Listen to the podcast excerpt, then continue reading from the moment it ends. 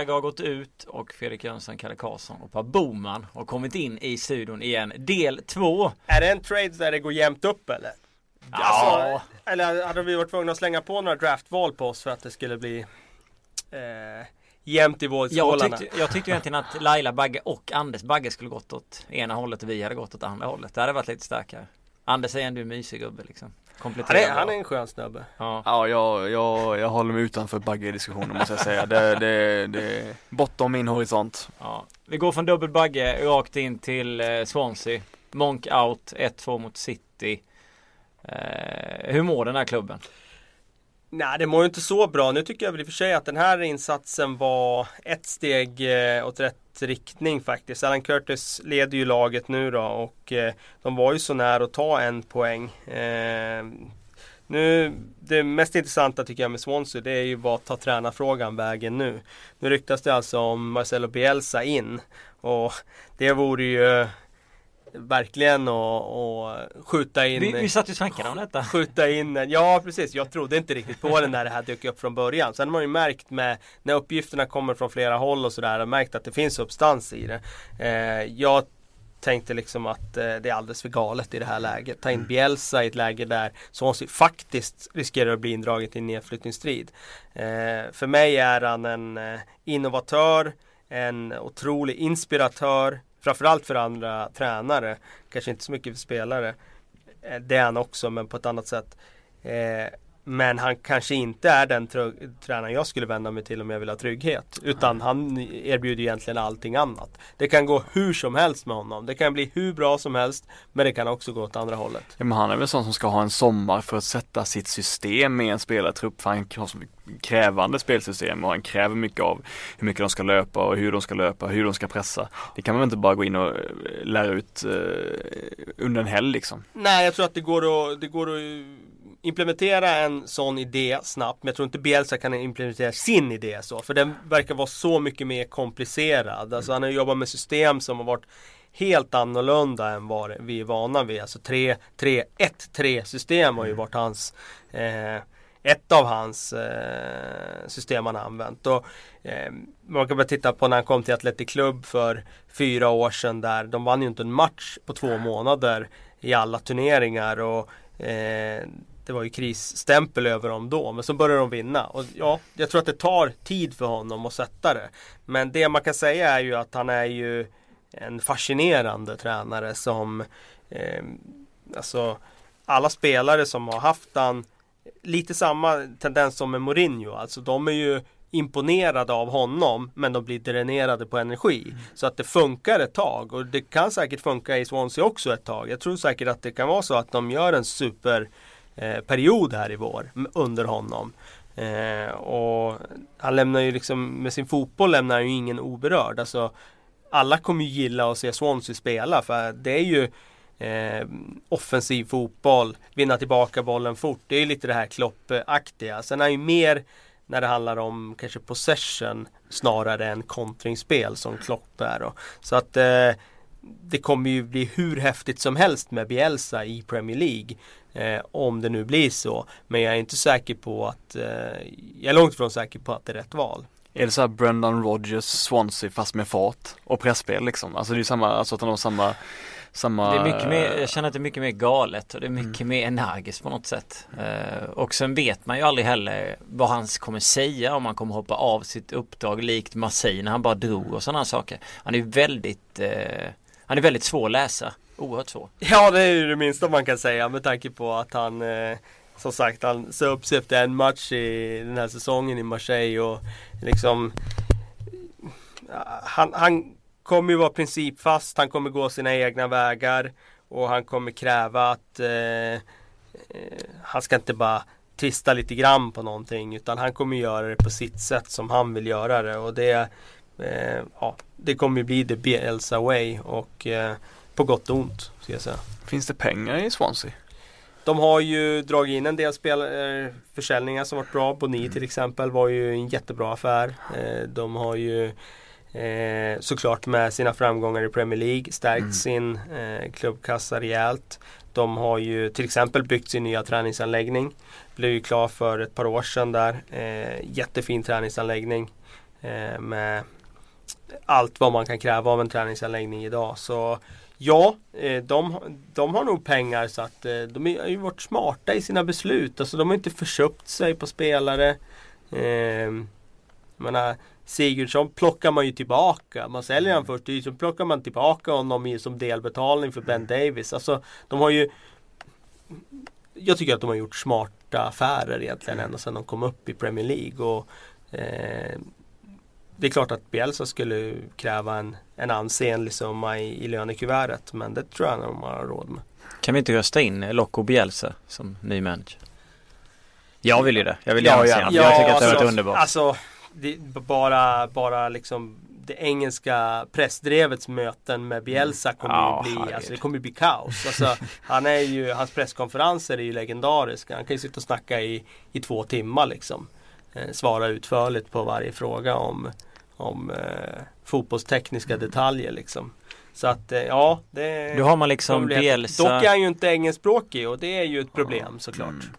Ja, men då är det liksom Bielsa, det är van Schaal med sina grejer, vi har Mourinho. Det är ganska mycket mm. sköna snubbar, vi har en Wenger mm. som har sitt sätt och sen Klopp han är ju han är ju speciell på, si, på sitt vis. Men, liksom. ja, men något som är häftigt det är ju just bara att få in en sån profil ja. till Premier League. Det höjer ju tempen ytterligare. Ja. Men angående språket som du säger, att det mm. känns som att de är väldigt oförlåtande i England. Alltså när Pellegrini kommer fram och stapplar i början så det, jag tycker Svennis. Ja, både och. Ja, Sen tycker eller... jag liksom Mauricio Pochettino, han klarar sig ju oerhört bra. Pratade ja. knappt ett ord engelska när han kom. Han klarar sig ju väldigt bra. Men å andra sidan, det blir ju där storklubb och ja. sådär. Han börjar ju lite lätt sådär ja. i SA 15. Där är inte lika mycket eh, rampljus på honom. Men han kanske gör som Gary Neville gör i Spanien. Köper iPads, fixar iPads till alla spelare och så filmar han och så kan han sen visa hur. Men det borde väl, har inte alla det? Ja men alltså för mig var det där, det var ju konstigt att det blev en nyhet. Det, det, nyheten var ju att han hade betalat pengarna ur egen ficka. Det var ju mm. för sig nyheten. Mm. Men iPads sådär så, all amerikansk idrott, jag vet eh, när det gäller NHL, det var ju redan för ett par år sedan fick jag höra liksom Inte bara att de har iPads, jag tror inte det är något nytt utan nu har haft det i många år. Men just det där hur snabbt det går nu. Direkt efter matcherna när spelarna kommer ut i omklädningsrummet Då går de och plockar sin iPad i NHL i vissa lag och så får, har de direkt då sina klipp från matchen. Det vill säga inte bara att man har en iPad man sitter hemma och surfar med i soffan utan att så snabbt efter matchen så när de sätter sig på spelarbussen då har de sin iPad och så kan de redan då gå in på de individualiserade klippen de har. Så att, eh, och ja, det verkar ju vara ganska många lag också i fotbollen som börjar anamma det där. Det kommer nog komma mer och mer. I USA eller NHL är de ju fantastiska. Jag tror inte Bielsa kommer köra med iPads nu. Han känns mer som den gamla typen som inte ens jobbar med PowerPoint. Enorm whiteboard. Står, står och ritar på, med, med krita på en sån här svart tavla. Underbart klipp när han sitter på, eh, är det, är det en väska? Kylväska han sitter ja. på. Ser ut som en läskback nästan i division 6 typ. Ja, jag... ja, det är lite division 6 över det. Det är lite charm över det faktiskt. Ja, jag är mycket svag för denna man. Jag hade gärna, gärna sett honom. Jag hade ju inte haft någonting emot honom att få honom i Newcastle annars som Steve McLaren hade sagt hej då efter. Eh, det hade varit kul att se Papi Cissé i Bielsas. Oh, i Bielsas fan, vilken kulturkrock ja, alltså. Papi som vill springa och småfisa varje gång laget har tappat bollen liksom. Och så med Bielsas helplanspress.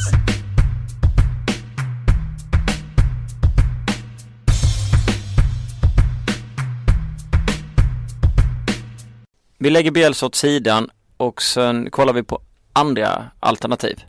Vem skulle du då se Kalle? Nej, men jag tycker Sampaoli är ett intressant alternativ. För mig hade han varit eh, mer naturligt att gå på för att eh, Swansea har ju haft eh, stor lycka när man har gått på lite yngre tränarval. Eh, unga tränare med en eh, ganska tydlig ideologi, eh, vill uppåt i sin karriär. Sampaoli tickar ju alla de boxarna. Ingen erfarenhet av engelsk fotboll så men eh, han känns som ett av världens mest spännande tränarnamn så eh, Det hade jag nog sett som eh, lite tryggare än Bielsa faktiskt. Finns det någon helt alltså, galen outsider som man kan tänka sig? Nej, alltså Gustavo Poirier är ju ingen outsider. Det är ju ett namn som har eh, nämnts nu då. Han är ju i Grekland nu och eh, Alltså lyckades ju inte så bra i Sunderland men det behöver inte betyda att man inte lyckas i nästa klubb. Nej, exakt. Det kan ju vara eh, Jag tyckte han började bra där i Sunderland så att skulle kunna bli om man går på en, om man vill ha en spelare eller en tränare som är engelskspråkig och som dessutom har erfarenhet av engelsk fotboll.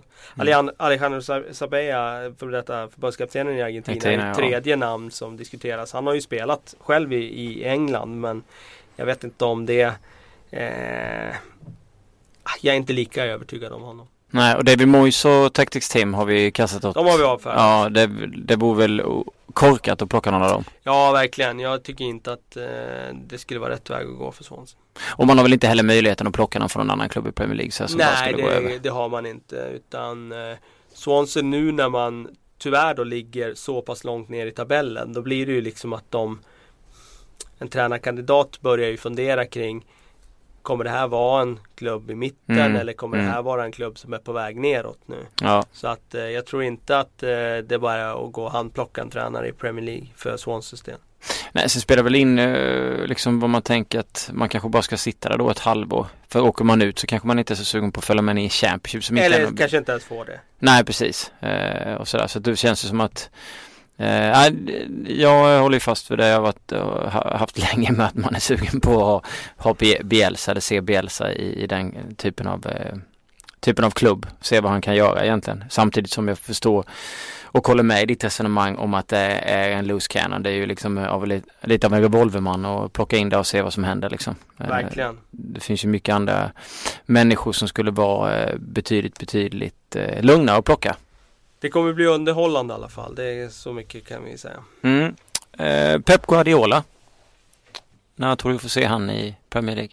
Kanske säga här förresten att Boman har lämnat Ja just det, det glömde vi säga. Han sprang ut i studion. Ja han stack. Vi fick någon teknisk tur med att datorn var full. Och då passade Boman på att dra iväg på ett Smita. möte. Ja. Eh, så det är därför han inte säger någonting.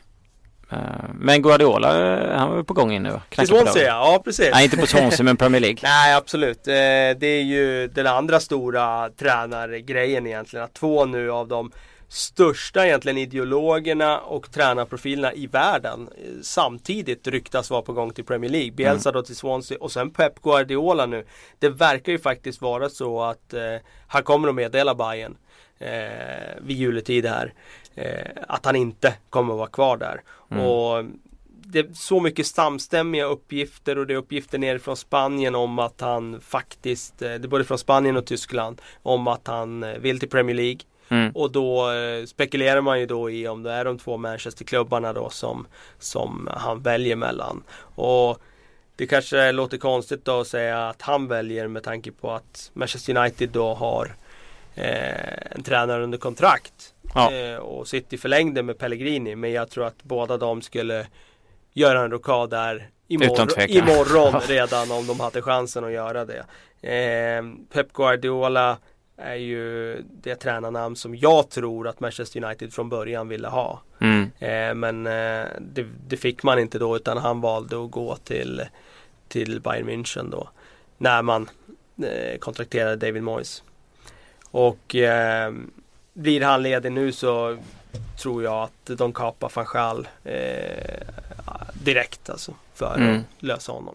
Guardiola skulle ju för eh, båda de här klubbarna innebära att man tar ganska många kliv upp i statushierarkin. Både när det gäller att attrahera spelare men också bara ett statement att okej, okay, nu ska vi upp och slåss med de allra största. Mm. Skyhöga förväntningar också med tanke på det han har gjort tidigare. Ja så är det ju. Det, det, det som är grejen nu då det är ju att det vore intressant att se nu eh, om han för en gångs skull valde att inte hoppa på en av de allra största som för tillfället är eh, Då kommer vi på Swansea igen. jag skojar. Ja precis, ja, det, hade, det hade varit verkligen intressant. Det hade verkligen varit intressant. Men eh, jag menar den lilla kritiken mot Guardiola som finns om man säger mm. då, runt om. Det är ju det här med att han tar lag som, som är bra och har mycket resurser. Mm. Men säg att han skulle ta över ett Manchester United nu efter Louis van Gaal som har eh, demonterat det laget faktiskt. Ja. Då blir det ju verkligen intressant att se om Guardiola har förmågan att bygga upp eh, laget. Från att spela så tråkig fotboll som man gör idag till att spela eh, liksom en vägvinnande eh, passningsorienterad fotboll. Det skulle ju vara en riktig utmaning för, även för honom. Mm. Ja, det, blir mer, det blir mer utmaning i det eh, även samtidigt som han har kassakistan. Sen vore det ju en dröm att se honom i en ännu mindre klubb. Det är precis samma som Precis, att vi, ja, vi ja, skulle, absolut. Vi skulle, Swansea skulle ju vara det allra häftigaste. Ja, och vi skulle gärna se Leo Messi till exempel i, i Swansea, också. också. ja, precis, nej, absolut. Det är sådana grejer. Men jag förstår vad du menar. Det har varit ja. coolt att se om han på liksom För City har ju idag ett helt annat spelarmaterial än vad Manchester United Ja, absolut. har. De har ju, jag menar det är bara att kolla på frontfyran där. Vi snackade ju om den i förra mm, ponten mm. där. Alltså, vad skulle det kosta för Manchester United att få en lika bra frontfyra som City har? Det skulle mm. kosta två miljarder typ. Mm. Eh, och skulle han gå till City så skulle han gå till det laget som har det bästa spelarmaterialet ja. till Premier League. Mm. Och då är han ju där igen.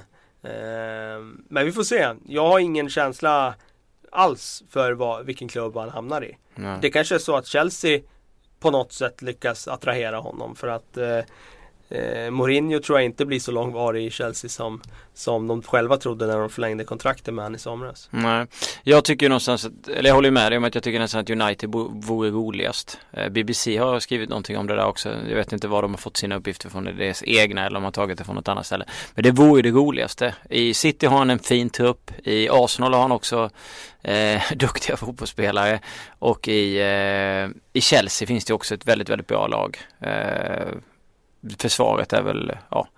Hur som helst så United är den största utmaningen när det gäller liksom förändra spelet extremt mycket från det här otroligt tråkiga liksom till eh, till här roliga, den här roliga fotbollen som man kan bjuda. Det är inte så att han har misslyckats i, i Bayern München, å andra sidan kanske inte det var så svårt att komma dit. Och jag gillade ju fotbollen som Jupp gjorde under sin tid, i, nästan mer än vad jag gjort under Guardiola. Men de har ju varit fantastiskt bra under Guardiola också, det är ju ja. inget snack om saken. Ja, det blir ju lite äh, liksom, slutprovet nu, slutexamen för Guardiola den här våren nu i mm. Bayern. Han måste ju vinna Champions League. Ja, absolut. Och då kommer han ju betraktas som att han var en succé. Han, mm. Förmodligen vinner de ju ligan, det kan vi nästan räkna in in. Mm. Då har vunnit ligan tre år i rad när han var där. Mm. Och Champions League och då, då är ju trofébordet liksom fullt. Mm. Eh, vinner han inte Champions League då är ju faktiskt slutomdömet att han tog över Champions League-mästarna. Mm. Och lyckades inte vinna de tre efterföljande åren. Då, då, finns det ju ett litet minustecken där såklart. Eh, även om det, det är ju extrema krav såklart. Men det skulle ju vara en klubb som Bayern München. Ja också. absolut. Det snackas om att Guardiola då flyttar till England och sen så kommer Ancelotti till Bayern München är det väl? Det hade vi inte velat se Ancelotti, hade vi inte velat se Ancelotti en runda till i, i Premier League? En vända till i Premier League? Alltså jag älskar ju Ancelotti. Mm. Jag eh, tycker att det är en oerhört eh, bra tränare på många sätt och hans man management är imponerande.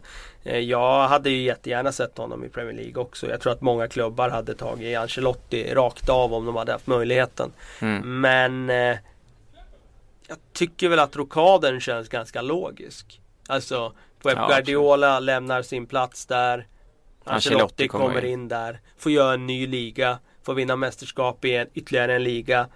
Då skulle ju faktiskt Ancelotti vara uppe på ligatitlar i, i Hur många länder? Ja, det, ja, hur många länder England, Italien, Frankrike. Frankrike Span Tog han Spanien? Det gjorde han väl? Ja, det gjorde han väl där. Ja. Men alltså det känns som att han vore rätt också för Bayern. Han skulle klara det. I och med att han har varit i de klubbarna han har varit i tidigare så skulle vi inte han ha några problem att, att fixa det liksom. Nej, i Tyskland menar du? Eller, Eller i Tyskland menar jag. Uh, Ancelotti. Ja, han vann aldrig ligan i, i, i uh, Real Madrid. Sjukt att vi ändå hade fått för oss det typ båda två att han ja. hade gjort det men det räknar. Han vann Champions. Uh, Champions ja. Vad sa du? Att han skulle att han, klara? Han skulle ju klara det i Bayern München utan ja, tvekan. Ja, herregud. Det är klart mm. han skulle göra det. Men jag hade ändå... Väldigt, väldigt eh, duktig i relationerna med Alltså uppåt i hierarkin så han skulle inte ha något problem att anpassa sig i eh, liksom deras struktur med, med Rummenigge och, och hela den där biten. Alltså, han har ju jobbat med under Abramovic, han har jobbat under Florentino Perez, han har jobbat under Berlusconi. Alltså mm. han har mm. jobbat under de tuffaste klubbägarna i hela Europa. Liksom. Mm. Men hade du velat se honom i England? Ja, absolut. Vilken klubb? Nej men jag hade kunnat tänkt se honom i både alla de ja, han har ju varit i Chelsea då, så om vi räknar bort dem så hade jag kunnat tänkt mig att se honom i båda Manchester-klubbarna. Mm. Jag, jag, tror att eh, Hans fotboll hade fästats bäst för City kanske? Eller? Ja, idag absolut. Men eh, det är svårt att säga också vilken tränare skulle passa bäst för Uniteds fotboll. Det är svårt att säga. Ja, det är den truppen. Alltså, ja, det är sant. Idag. Ja. Det är svårt att hitta någon. Men å andra sidan skulle man säga så här. En annan tränare skulle ju kunna utveckla Uniteds mm. spel. Eller skulle definitivt göra det. Mm. Och sen, ja. Ja, vi får, vi får väl se. Men Pep, eh, största utmaningen har varit United. Men vad är troligt att han väljer? Tror du att det är United eller väljer han City för att han Alltså ja, jag vet inte. Jag har inte en aning. Det blir ju bara spekulation för jag har inte en eh, blekaste. Jag har liksom inte kunnat utröna heller eh, några liksom eh, eh, uppgifter som kommer från honom själv. Nej. Alltså var det lutar. Så att vi får se. Mm. Det kommer bli extremt spännande och, för vi räknar ju med att han kör klart hela och sen så Men de var ganska snabba med att presentera honom som tränare i, Bayern München så han kanske gillar den typen av grejer att folk får reda på var han ska vara nästa år. Han får lång, långt, eh, ja en lång tid och, och jobba igenom det och så vidare. Så att vi, vi räknar väl med att det kommer ganska snart. Jag läste rätt tidigt här nu att han fick skit i, i av den tyska eh, Bayern Münchens eh, läkarteam för att han hade testat Ribéry alldeles för snabbt och han hade ju varit i bråk med, med dem tidigare. Eh, som, de hade ju avgått efter att han hade fått stryk i Porto för, för, för något tag sedan och så vidare. Eh, men det Alltså om man, om man, tittar på annars när det gäller tränare eller managers i, i Premier League eh, förutom då Mourinho som jag är inne väldigt, väldigt mycket på. Finns det någon annan klubb som du egentligen tycker att borde göra någonting när det gäller just den biten? Att det finns någon klubb som sitter på en manager idag som inte riktigt är 100% rätt och har man möjligheten nu över jul så borde man liksom skicka och hämta in någon annan innan fönstret i januari. Eh, nej, inte här och nu. Eh, för mig så eh, Mourinho är ju liksom den mest brinnande eh, elden just nu. Och det är klart, skulle de förlora någon match till då kommer det ju blåsa eh, ordentligt kring honom. Eh, Louis van Gaal tycker jag eh, är en sån som eh, han kommer inte få sparken nu men i vår här om, om, om man börjar eh, förlora mer om man börjar tappa liksom eh, Tappa formen ännu mer så skulle jag absolut kunna se eh, tränarbyte där. För jag tror att Oavsett vad som sägs nu så tror jag att de kommer komma fram i sommar till att van Gaal inte är den långsiktiga lösningen. Och att de bryter med honom i sommar. Mm. Eh, om det inte sker något drastiskt. Mm. I resultatväge pratar vi om. Då. För, vi tittar på bottenklubbar som måste Villa Sandland så, så har man ju bytt. Ja de har ju bytt så Ja. att, eh, nej där är det ju ingenting. Kan man byta igen egentligen? Det kan man knappt va? Det kan man ju men eh, det tror jag inte de gör. Utan då tror jag att han eh, får, då får han testa i Championship till att börja med.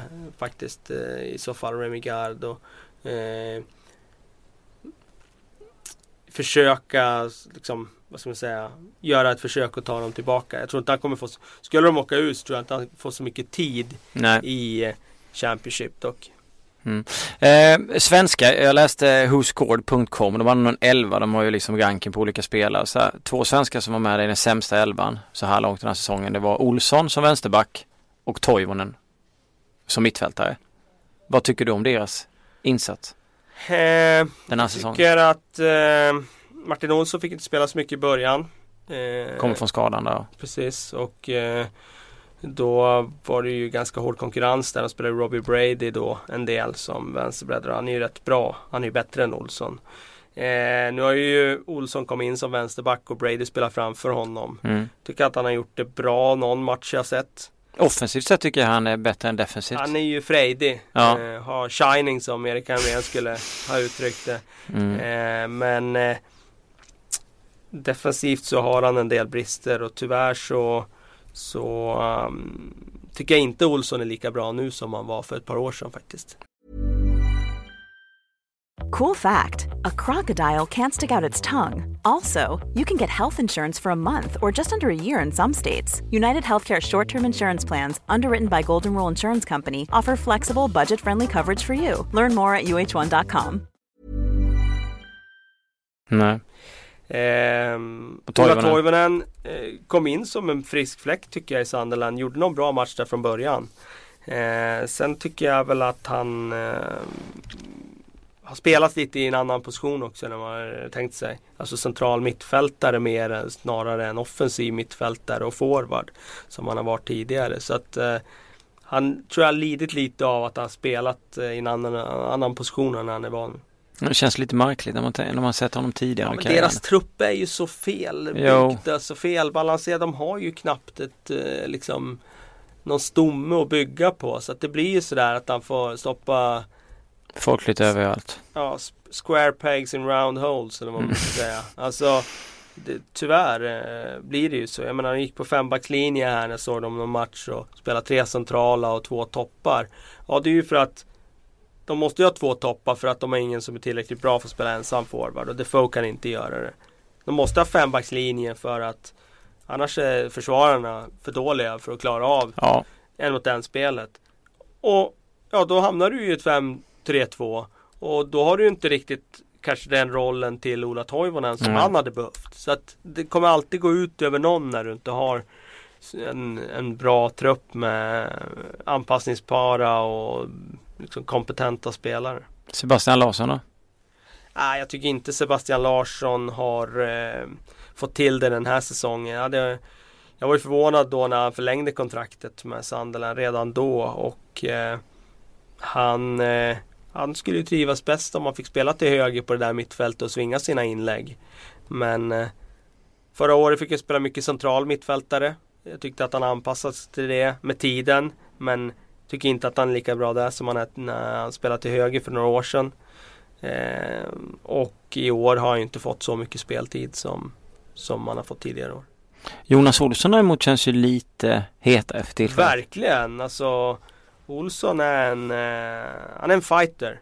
Eh, och han har eh, startat säsongen på bänken egentligen bakom både Lescott och så värvade de Johnny Evans. Sen försvann ju Lescott Mm. och då öppnades det ju en plats. Men med tanke på att Johnny Evans har varit väldigt bra sedan han kom till West Bromwich har det inte funnits så mycket chanser för honom då inledningsvis. Sen nu när han har fått spela så tycker jag han har gjort det bra. Och han är ju väldigt viktig för West Bromwich eh, när han är Eh, Jonas Olsson med allt vad det innebär. Det ska ju vara de här tuffa tajta matcherna där det blir mycket kamp. Då är han väldigt effektiv. Jag tyckte han gjorde en kanonmatch på Anfield senast här. Mm. Det har snackats mycket om att, eh, nu hoppar jag verkligen mellan ämnena, jag går över när det gäller eh, omklädningsrum. Det har ju snackats mycket inom Chelsea att man inte riktigt har alla med sig och så vidare. United gick till Gea ut på deras hemsida nu och sa att det var så här great atmosphere och allting var så bra. Känns det som att det är någonting som någon måste göra i United för att, ja, är det samma typ av jobbig situation där som, som det är i Chelsea? Eller tror du att det är mindre nu för, med tanke på att hans metoder fick ju, har ju fått en hel del kritik och det har varit mycket snack runt omkring. Vet inte, jag tror att det är eh, jobbigt i alla omklädningsrum när man förlorar matcher. Mer eller mindre. Eh, det är nog allra jobbigast i de här klubbarna som inte är vana vid att göra det. Men jag skulle nog tro ändå att det är som allra jobbigast i Chelsea som ligger där de ligger i tabellen. United kan ändå eh, någonstans luta sig emot att det är inte är så många poäng upp. Eh, men för att svara på din fråga där med ja, jag tycker man ser det ganska ofta det här. Fabregas gick ut och nu och, och konstaterade att eh, det var spelarnas fel och han sa Mm. de rätta sakerna. Sen är det ju en helt annan sak om det är så. Mm. Alltså, det vet man ju aldrig. De vet ju också spelet, liksom spelets regler. De kan ju inte säga vad som helst för det blir enormt stora rubriker och de stjälper laget. Så när de får frågan är det bra stämning så måste de ju säga att det är bra stämning. Särskilt Alltså- på en officiell hemsida. Ja precis, alltså, ja precis. Ja men alltså var han än säljer, de är ju så pass, så pass skarpa är de ju ändå.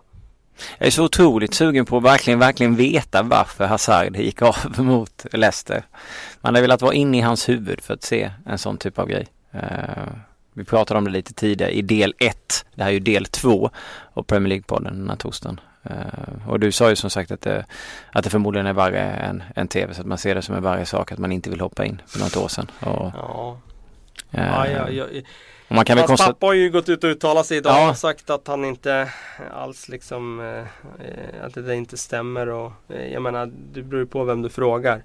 Eh, men det är ju Det är ju någonstans en Statuschecken för eh, hur det står till i Chelsea. Den kan man ju verkligen Man kan ju ta tempen bara genom att en sån här grej kommer upp. Mm. Alltså en välmående klubb då, då, då kommer ju inte ens en sån här sak på fråga. Varför skulle en spelare inte vilja spela? Alltså det är ju ett mått av hur pass kaosartat det är i Chelsea just nu. Tyvärr. Eh, Men om man liksom ställer frågan, vi vi har diskuterat fram och tillbaka, men vem tror du av Eden Hazard och José Mourinho som inte är där nästa säsong? Vem är rätt att skicka? Är det Mourinho? Ehm, Nej, alltså jag tror att det finns en risk att båda eh, faktiskt. Och, och, det säger jag utifrån att eh, jag tror att Mourinho kan försvinna här efter nyår. Eh, jag är inte så säker på att Hazard är kvar om Real Madrid identifierar honom som en ny möjlig Galactico. Trots hans svaga form nu, men säg att han skulle avsluta säsongen bra, då kan han vara ett sånt där stort namn som de tittar på. Säg att de skulle släppa Ronaldo i sommar, det vet man inte. Eh, så att eh, jag utesluter inte att båda ska vara borta nästa säsong. Mm. Vi pratade om Watford för några veckor sedan, ett lag som har tre raka vinster. Eh, Gallo är, är alltid härlig och så vidare och nu så vann man mot Sunderland borta. Eh, det kanske i sig inte är jätteimponerande med tanke på hur, hur, de har varit. Men vad ser du som anledning till att Watford som, som en nykomling ändå kan imponera så pass mycket och ligga liksom sjua? De har ju onekligen fått in en del riktigt bra fotbollsspelare. Men de har ju värvat mycket också. Det är ja, verkligen. Och, eh, de har ju de har ju fått in kvalitet, det är ingen tvekan om det. Det jag satt ett stort frågetecken kring det är ju om man skulle få ihop ett lag av det mm. Och där får man ju ge Kiki Sanchez Flores enorm cred. Alltså, mm. Från början satt ett väldigt bra försvarsspel. Eh, och sen har han ju de där två där framme som han vet är stora, tunga och kan skapa oro i vilket motståndarförsvar som helst. Och det har de ju gjort. Och med Igalo som är så stekhet så har de en målgaranti. Försvaret är bra. Ja men då har du bara redan där har du ju en, eh, en väg till att vinna matcher. Bra försvar och en forward som gör mål. Sen eh, tycker väl jag att vissa eh, värvningar har ju inte fallit väl ut. Som Jurado till exempel. Som jag eh, tycker är en helt eh, underbar fotbollsspelare. Men som eh, är väldigt mycket upp och ner. Och som jag tycker blandar och ger alldeles för mycket. Men eh, de vinner matcher för att de är eh, disciplinerade bakåt. De är försvarsstarka. Och de har en glödhet i anfallsduo. I Dini och i Galo. Det, finns ju, det känns som att i vissa matcher där de har förlorat så har de liksom kanske klarat sig en halvlek mot lite tuffa motstånd och sen har de eh, liksom, Arsenal-matchen var Arsenal till exempel. Mm. Men eh, nu har de ändå rätt, vunnit rätt mycket matcher, ligger ändå topp sju liksom. Så det känns som att han verkligen har Alltså han, har, han har gjort lite förändringar som gör att de liksom pallar med och jag, tycker, jag är extremt imponerad med tanke på att man kommer underifrån och ändå, ändå gått rätt långt av säsongen. Verkligen, alltså jag är superimponerad. Alltså, nu tar ju Leicester all limelight. Jo, så är det. Jo. av förklarliga skäl. Men Absolut. jag menar, vi har ett Watford som, som jag tippade längre ner i tabellen mm. än Leicester. Som ligger sjua. Alltså, mm. hade Leicester inte gjort det här som de har gjort. Så hade Watford varit grejen. Ja men alltså vi alla hade ju snackat om Watford. Mm. Vad de har gjort. De är nykomling och de eh, och de har tagit 25 poäng. De ligger liksom 4 poäng från fjärdeplatsen. Mm. Halva säsongen har gått. Det är ju sensationellt. Mm. Och deras form är ju fantastisk. De börjar ju inte så bra ska man komma ihåg. Det, det var inte så övertygande resultat i början. Nej, men de har ju tagit nio poäng på tre matcher så innan dess slår de ju i mitten. Skulle man slå Liverpool till exempel, de har ryckt åt sin fyra, fem poäng ifrån Liverpool mm. och sen samtidigt kanske United eller City eller någon går på pumpen och då är det, de är rätt nära. Helt plötsligt en CL-plats. Ja. Inte för att det kommer hålla en hel säsong men det är extremt starkt. Ta bort den där trevande starten. Efter fyra matcher hade de inte vunnit en match. De började Nej. med tre kryss. Ja. Ta bort den. Ja. då, då hade ju Watford legat tvåa, trea i tabellen. Ja det hade ju varit helt galet. Leicester i topp och sen, Les sen Watford. De gjorde ju inga mål i början. Det var det som var problemet. De gjorde ju de var, de var tunna framåt där och då. Mm. Eh, men sen fick de ju till den där anfallslösningen med att spela med två forwards. Och jag tror att det har gjort mycket faktiskt. Att de känner att de får tryck framåt. Men det blir det är som ett sånt lag också att man funkar inte det för dem längst fram så blir de ju väldigt sårbara. Får de skador samma sak. De har ju liksom inte den bredden. Så är det ju. Eh, Sen, sen, kan man ju titta på Bournemouth som slog Manchester United. Vi har ju pratat om att de har tunga skador. Så möter de ett United som också har tunga skador. Men Bournemouth spelare be beter sig som man ska göra i Premier League medan United håller inte alls klassen egentligen som man förväntar sig att de ska göra. Och det är också ett lag som har ryckt upp sig en del. Eh, de har ju plockat två raka nu och är på lite, lite säkrare mark. Gått förbi Swansea, är eh, före Newcastle och är före Chelsea och så vidare. Eh, det tycker jag också är extremt imponerande av Eddie Howe och sitt gäng med tanke på de, de smällarna man åkt på. Verkligen. Skademässigt och alla de målen man släppte in. Man släppte in hur mycket mål som helst ett tag. Uh, sen, är inte, sen har vi pratat om språngbrädor en hel del. Uh, att det finns sämre lag, Aston Villa, Sunderland och så vidare som gör att man förmodligen klarar sig. Uh, sen är det svårt att sitta och älta från, från vecka till vecka vilka som åker ut och så vidare. Eh, och vilka som klarar sig kvar. Men sen är det samtidigt, jag gillar ändå den där, det där snacket som du slängde fram med procenten eh, med Leicester, att man ändå kan se vissa saker, statistik och oftast inte ljuger. Sen får man väl ha i bakhuvudet att de människorna som, lagen som låg där då, det kanske var United och, och City som såg helt annorlunda ut för några säsonger tillbaka Precis. och så vidare. Eh, men det ska bli extremt spännande att följa och vi har ju Boxing Day och annat som kommer i helgen. Ja, vi har ju en häftig match på måndag. Här. Ja, precis. Det känns ju som den, eh, alltså moral, moraliska ska jag inte säga, men den troliga seriefinalen. Mm. Så Jag tror ju inte riktigt att Leicester kommer att haka i där. Men... Eh, Alexis Sanchez kan eventuellt spela, snackas det om. Och sen skrivs det en hel om Ram, Aaron Ramsey också, att han måste liksom höja sig uh, och börja leverera. Ja, det har ju varit mycket debatt om det i England just med Ramsey och det där mm. är ju inget nytt egentligen. Nej. Alltså debatten är ju kring, är Ramsey tillräckligt disciplinerad för att spela, spela i den sittande rollen? Ja. Carragher har ju varit väldigt uh, Eh, inne på det just i Sky Sports då och noterat att han inte eh, han är ju en box-to-box spelare. Och det är ju det är på gott och ont såklart. Alltså, han gör ju en del mål som andra mittfältare inte skulle göra. Men det kostar också laget och det är mm. det som är problemet och som man kanske blundar för ibland. Men jag menar Ta 6-3 matchen som de förlorade mot City här för ett par år sedan. Då var ju Ramsey en av mittfältarna då. Och det var han och Flamini som sprang runt på det här mittfältet. Och de är inte så disciplinerade i positionsspelet som man behöver vara i de stora matcherna. Och det är ingen slump att Ramsey har spelat i flera av de här uppmärksammade förlustmatcherna de senaste åren. Jag kommer ihåg premiären mot Aston Villa för två och ett halvt år sedan. Det var ju likadant. De tappade? Ja, de förlorade med 1-3 då. Ja, just det. Ja, just det. Eh, och det var Jack Wilshere och Ramsey mm. då. Och det är samma sak. När, alltså, disciplinen, viljan att stänga ytor. Man tar inte den där löpningen på fem meter bara för att komma ner på rätt sida om bollen utan man går fram och så försöker man vinna bollen och vinner man inte bollen då förstår man inte att oj, nu måste jag ner och täcka igen.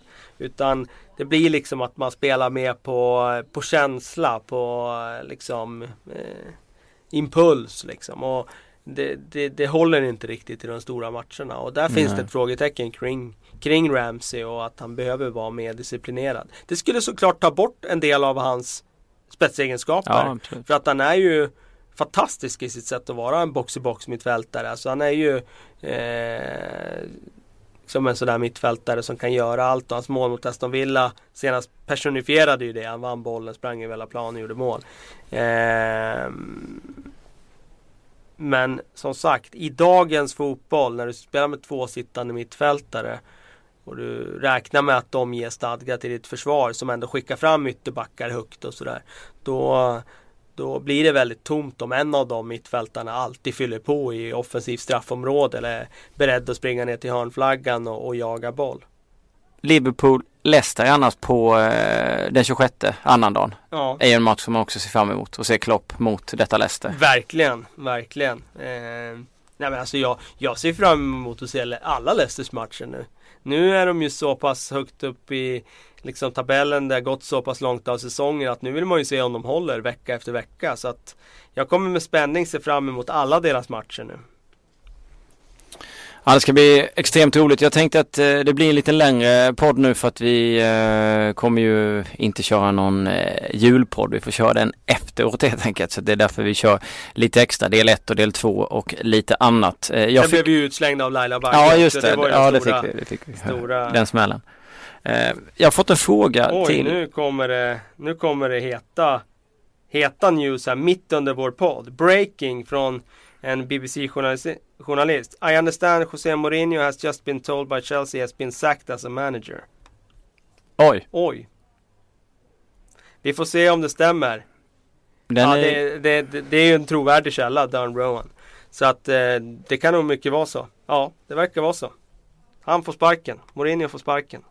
Sjukt, det kommer mitt under podden. Mitt under podden kommer ja, det? Då får vi styra om och skita ja, i frågorna. Ja. Nej, det är ju... Um, det här var väl rätt eller? Ja, det, eller väntat? Och... Ja men alltså för mig var det väntat eh, utifrån att jag trodde jag sa som jag sa en förlust till så, kommer, så kan han få sparken. Eh, men eh, jag har ju sagt hela hösten att jag tror inte eh, Ja det är bekräftat av klubben nu också. De har bekräftat det. Ehm, jag tror inte att eh, de kommer vända det här. Och det, det, känslan var att han var inte rätt man för att vända eh, trenden för en klubb som, som Chelsea.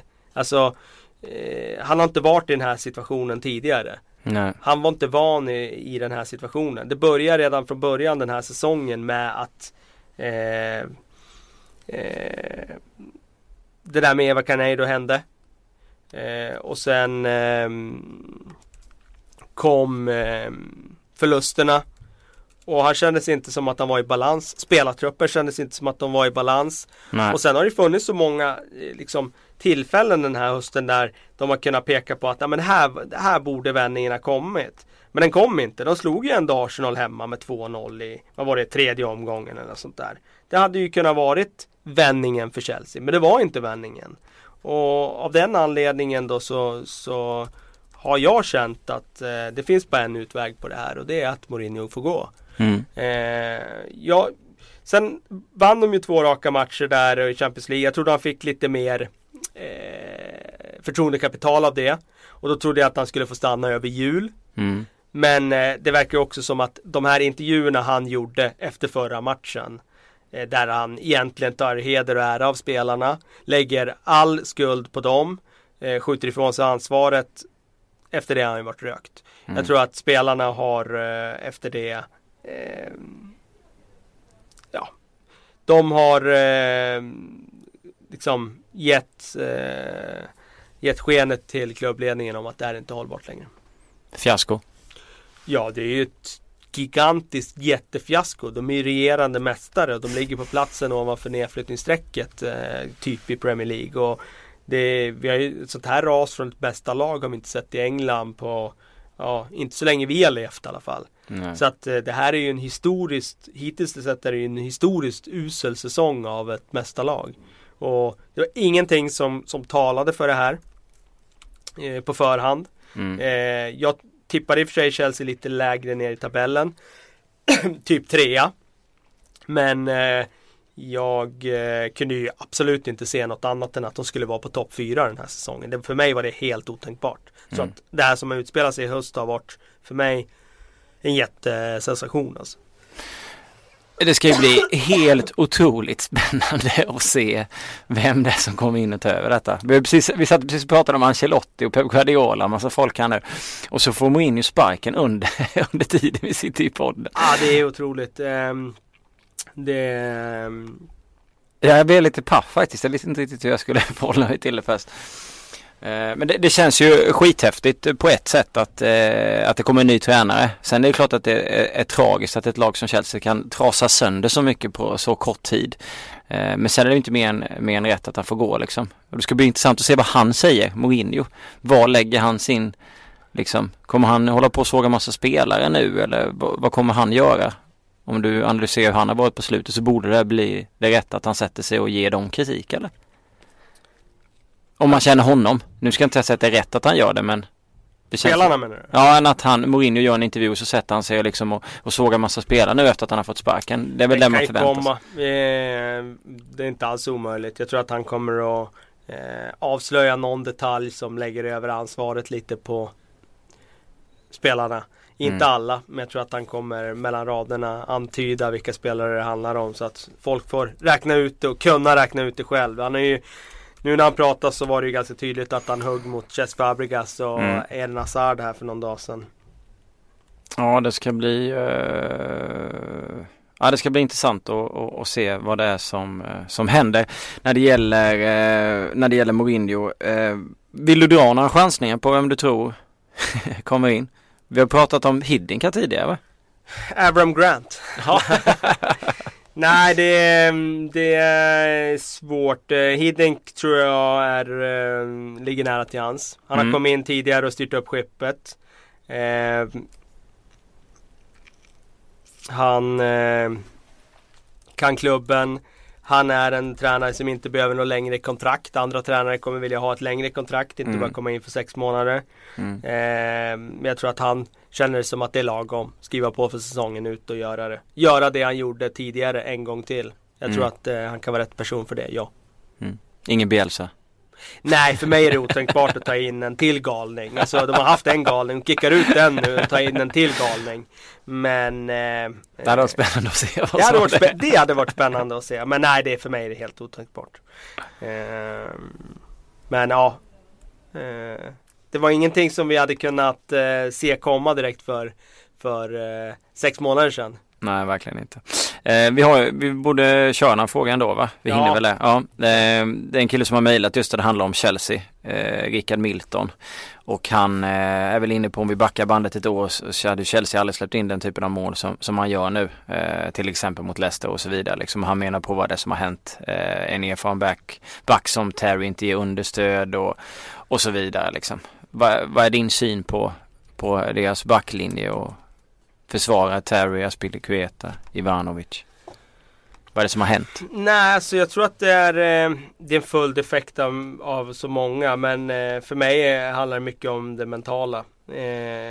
Det har blivit, någon slags grej har hänt i, i huvudet på spelarna när de börjar förlora matcher. De har tappat den här känslan av att de drar åt samma håll. De tror inte längre på sin tränare på grund av olika orsaker. Jag tror att de tappar lite av förtroendet redan första matchen där när den här Eva Caneiro Gate dök upp. Jag tror att andra saker har skett under resans gång. Han har sågat spelare offentligt. Han har eh, Han har inte stått bakom sin spelartrupp som han alltid har gjort tidigare och det tror jag de har känt. Så tror jag att också att det har varit ett fall av att spelare har varit mätta. Jag tror inte att de var riktigt på tå när försäsongen började. Det var inte samma brinnande vilja att, att gå in och köra stenhårt när den drog igång. Och det har gjort att spelare som börjar bli till åren som Terry och Branislav Ivanovic inte har varit förberedda helt enkelt. Mm. Hannes Hjertstedt undrar om eh, man tycker att City ska ta in en superforward till när Agüero nästan alltid är skadad. Men det känns väl som att de har en backup i Bony och sådär så att det funkar ändå eller? Ja, jag tycker inte att de ska ta in en till forward. Det är inte svaret för deras eh, del. Kevin Bader eh, ställer frågan om vad det skulle betyda för engelsk fotboll om, om Leicester gick och vann Premier League. Nej men det skulle ju betyda massor tror jag. Eh, det skulle ju, kartan skulle ritas om. Eh, vi skulle få ett nytt eh, topplag, potentiellt topplag. För att då skulle de kunna etablera sig i toppen, värva spelare utifrån det. De har ju alltså penningstarka ägare. Eh, de har en, eh, alltså det är en fotbollsstad. De har varit i ligan tidigare, det finns en tradition där. Det är inget nytt lag någonstans på det sättet. Så att eh, det skulle förändra mycket och det skulle ju framförallt betyda att eh, det skulle bli ännu jämnare i toppen framöver för att det skulle vara en till eh, klubb som kan aspirera på att slåss där uppe. Mm. Man hoppas nästan lite att de slutar på topp fyra va? Ja, nu fall. du så. Ja, de nej, det- ja, det- ja, det var ligan, men, eh, jag bara vände. Ja, alltså för min del så det skulle vara hur häftigt som helst. jag tror ju fortfarande inte att de kommer vinna, Att så en ny klubb går upp på, på topp fyra. Det är ju det man Mm. önskar varje år liksom. Att, att drömmen för den lilla klubben ändå finns där. Mm. Och, att, och för att den ska finnas, då måste det ju finnas exempel på att det går. Mm. För annars tror inte Framförallt inte cyniker som jag Nej. att, att det ska gå. För att jag tror ju aldrig på att det är möjligt. Mm. Men eh, kan Leicester vara det laget som liksom visar att, eh, att det är möjligt. Då, då kommer ju andra klubbar också kunna drömma om det. Mm. Vi håller väl drömmen vid topp fyra nu och sen i februari massa Så kanske. reviderar vi den och skriver upp den till ligaseger. Ja, lite så. Ja. Så vi väntar lite till. Eh, vi eh, bryter här för den här gången och så önskar vi alla eh, god jul och så eh, kommer vi tillbaka så fort vi bara kan med ett nytt avsnitt av Premier League-podden. Tack så ni ha.